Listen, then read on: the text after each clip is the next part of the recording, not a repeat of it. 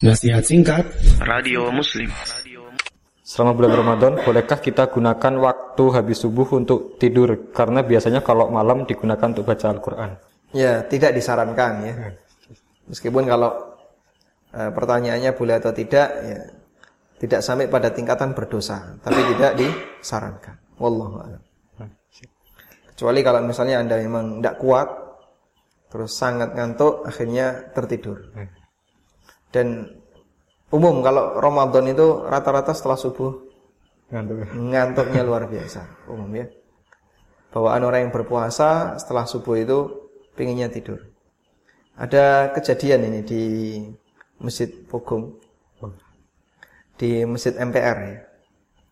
Jadi eh, selesai ada takmir nih. Takmir yang takmir ini punya kebiasaan adzan dan iqamah.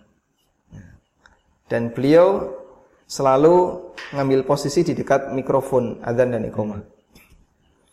Selesai sholat subuh, lagi zikir tidur. Tidur.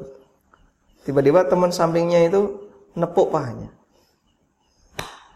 Bangun dia. Begitu bangun berdiri langsung mendekat ke mikrofon komat. Jadi bayangan dia itu ini masih nunggu waktu sholat. Karena ketika dia ditepuk bangun kanan kirinya masih penuh orang berjejer rapi, langsung dia bangun mendekati ke mikrofon mau komat.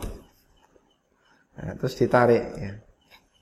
Ya, karena memang kebiasaan di tempat kita ketika uh, orang itu habis subuh kadang rasa kantuknya sangat berat. Wallahu a'lam.